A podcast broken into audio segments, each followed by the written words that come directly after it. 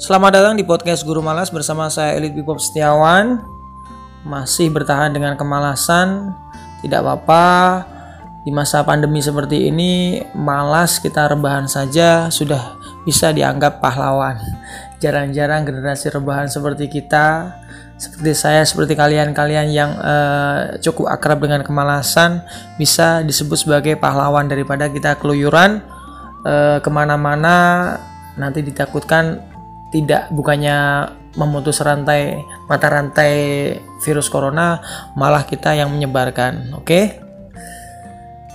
uh, eh, selama masa pandemi ini uh, kita mungkin hampir setiap hari tidak bisa lepas dari yang namanya gawai sosial media itu hampir setiap kali uh, menghiasi hari-hari kita selama kita di rumah jadi segalanya bisa dilakukan secara virtual.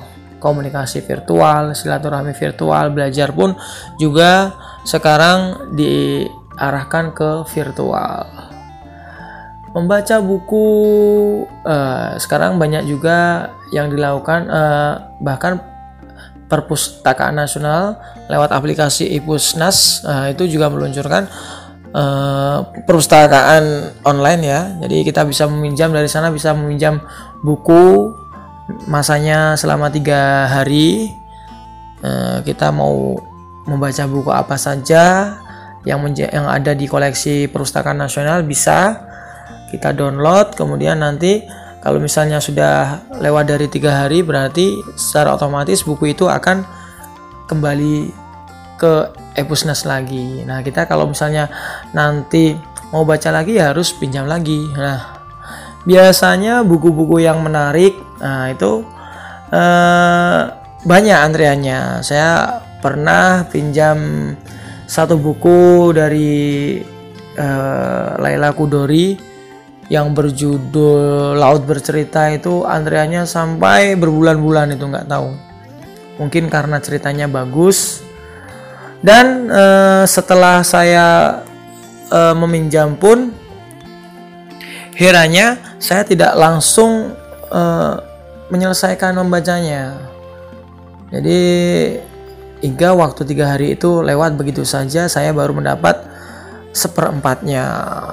Akhirnya saya nggak selesai dan sekarang harus antri lagi kalau mau meminjamnya.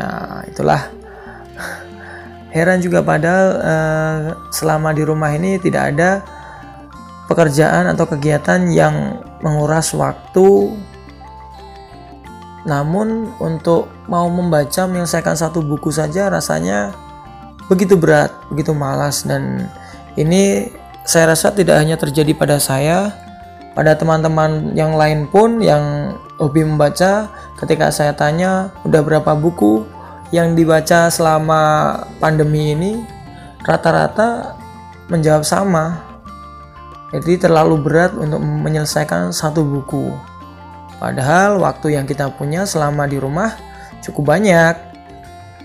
Tapi entah kenapa lebih sering uh, melihat film, kemudian uh, nonton tutorial YouTube, ataupun berbagi cerita di sosial media. Itu yang paling menguras waktu selama kita berada di rumah. Jadi kuota internet itu banyak tersita di situ. Bahkan yang sebelumnya kalau di eh, masa normal itu di hari-hari normal dalam satu bulan biasanya tidak habis paket 17 giga. Namun sekarang justru karena di rumah ini bisa isi ulang sampai 2-3 kali dalam satu bulan tuh bayangkan.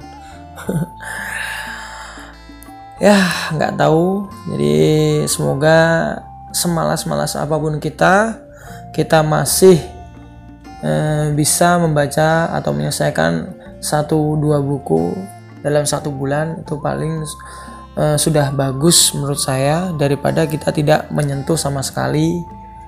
Nggak muluk-muluk kita baca buku yang berat, yang ringan-ringan saja.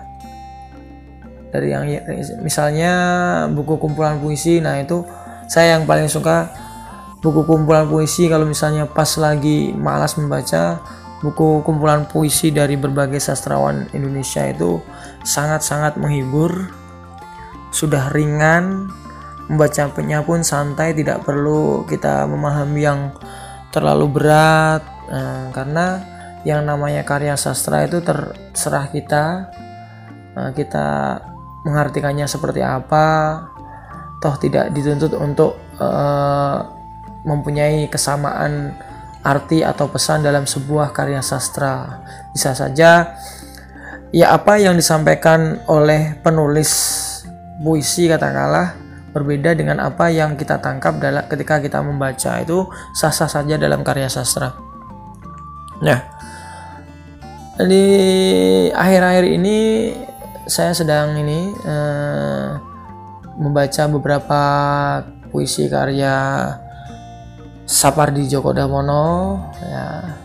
Karena memang sangat khas sekali gaya berceritanya. Kemudian beberapa puisinya juga sangat bagus sangat romantis dan saya satu hal yang saya kagumi dari beliau di usianya yang sudah mencapai 80 tahun 80 tahun beliau masih tetap terlihat sehat eh, mau berbagi dengan mahasiswanya karena beliau masih mengajar ini ya mengajar di UI dan yang pasti dia juga eh, beliau juga masih tetap eksis di media sosial khususnya Instagram karena saya mengikuti uh, Instagram beliau itu. Jadi senang saja bisa baca karya-karyanya. Apalagi beberapa karyanya itu sudah uh, diubah atau diubah uh, di menjadi uh, musikalisasi puisi oleh beberapa artis atau penyanyi yang uh, bisa kita temukan di YouTube atau Spotify itu banyak sekali.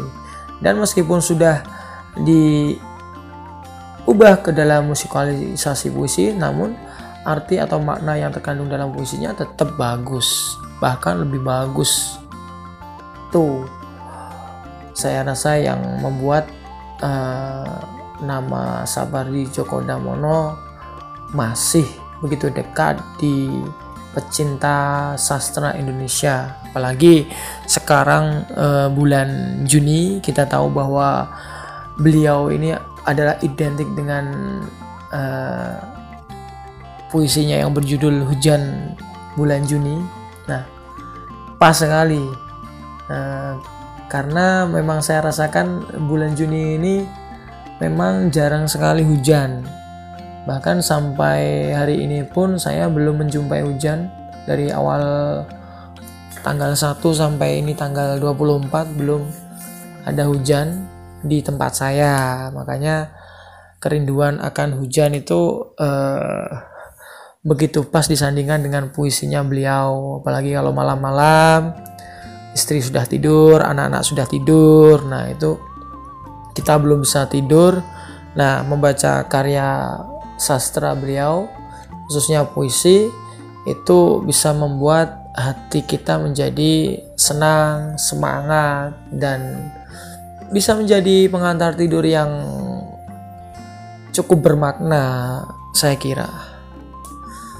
Kan uh, sebelum tidur itu kita diharapkan eh, uh, untuk mengingat sesuatu yang indah yang terjadi sebagai bahan koreksi apa yang kita lakukan hari ini. Nah, kalau kita menutup uh, hari dengan bersyukur dengan membaca karya sastra itu pasti akan lebih indah tentunya. Ya, itu uh, yang saya lakukan akhir-akhir ini. Ya, itu saja mungkin karena nggak tahu mau ngomong apa lanjut lagi di lain waktu. Semoga masih bisa konsisten untuk tetap ngomong meskipun nggak tahu apa yang akan diomongkan. Oke assalamualaikum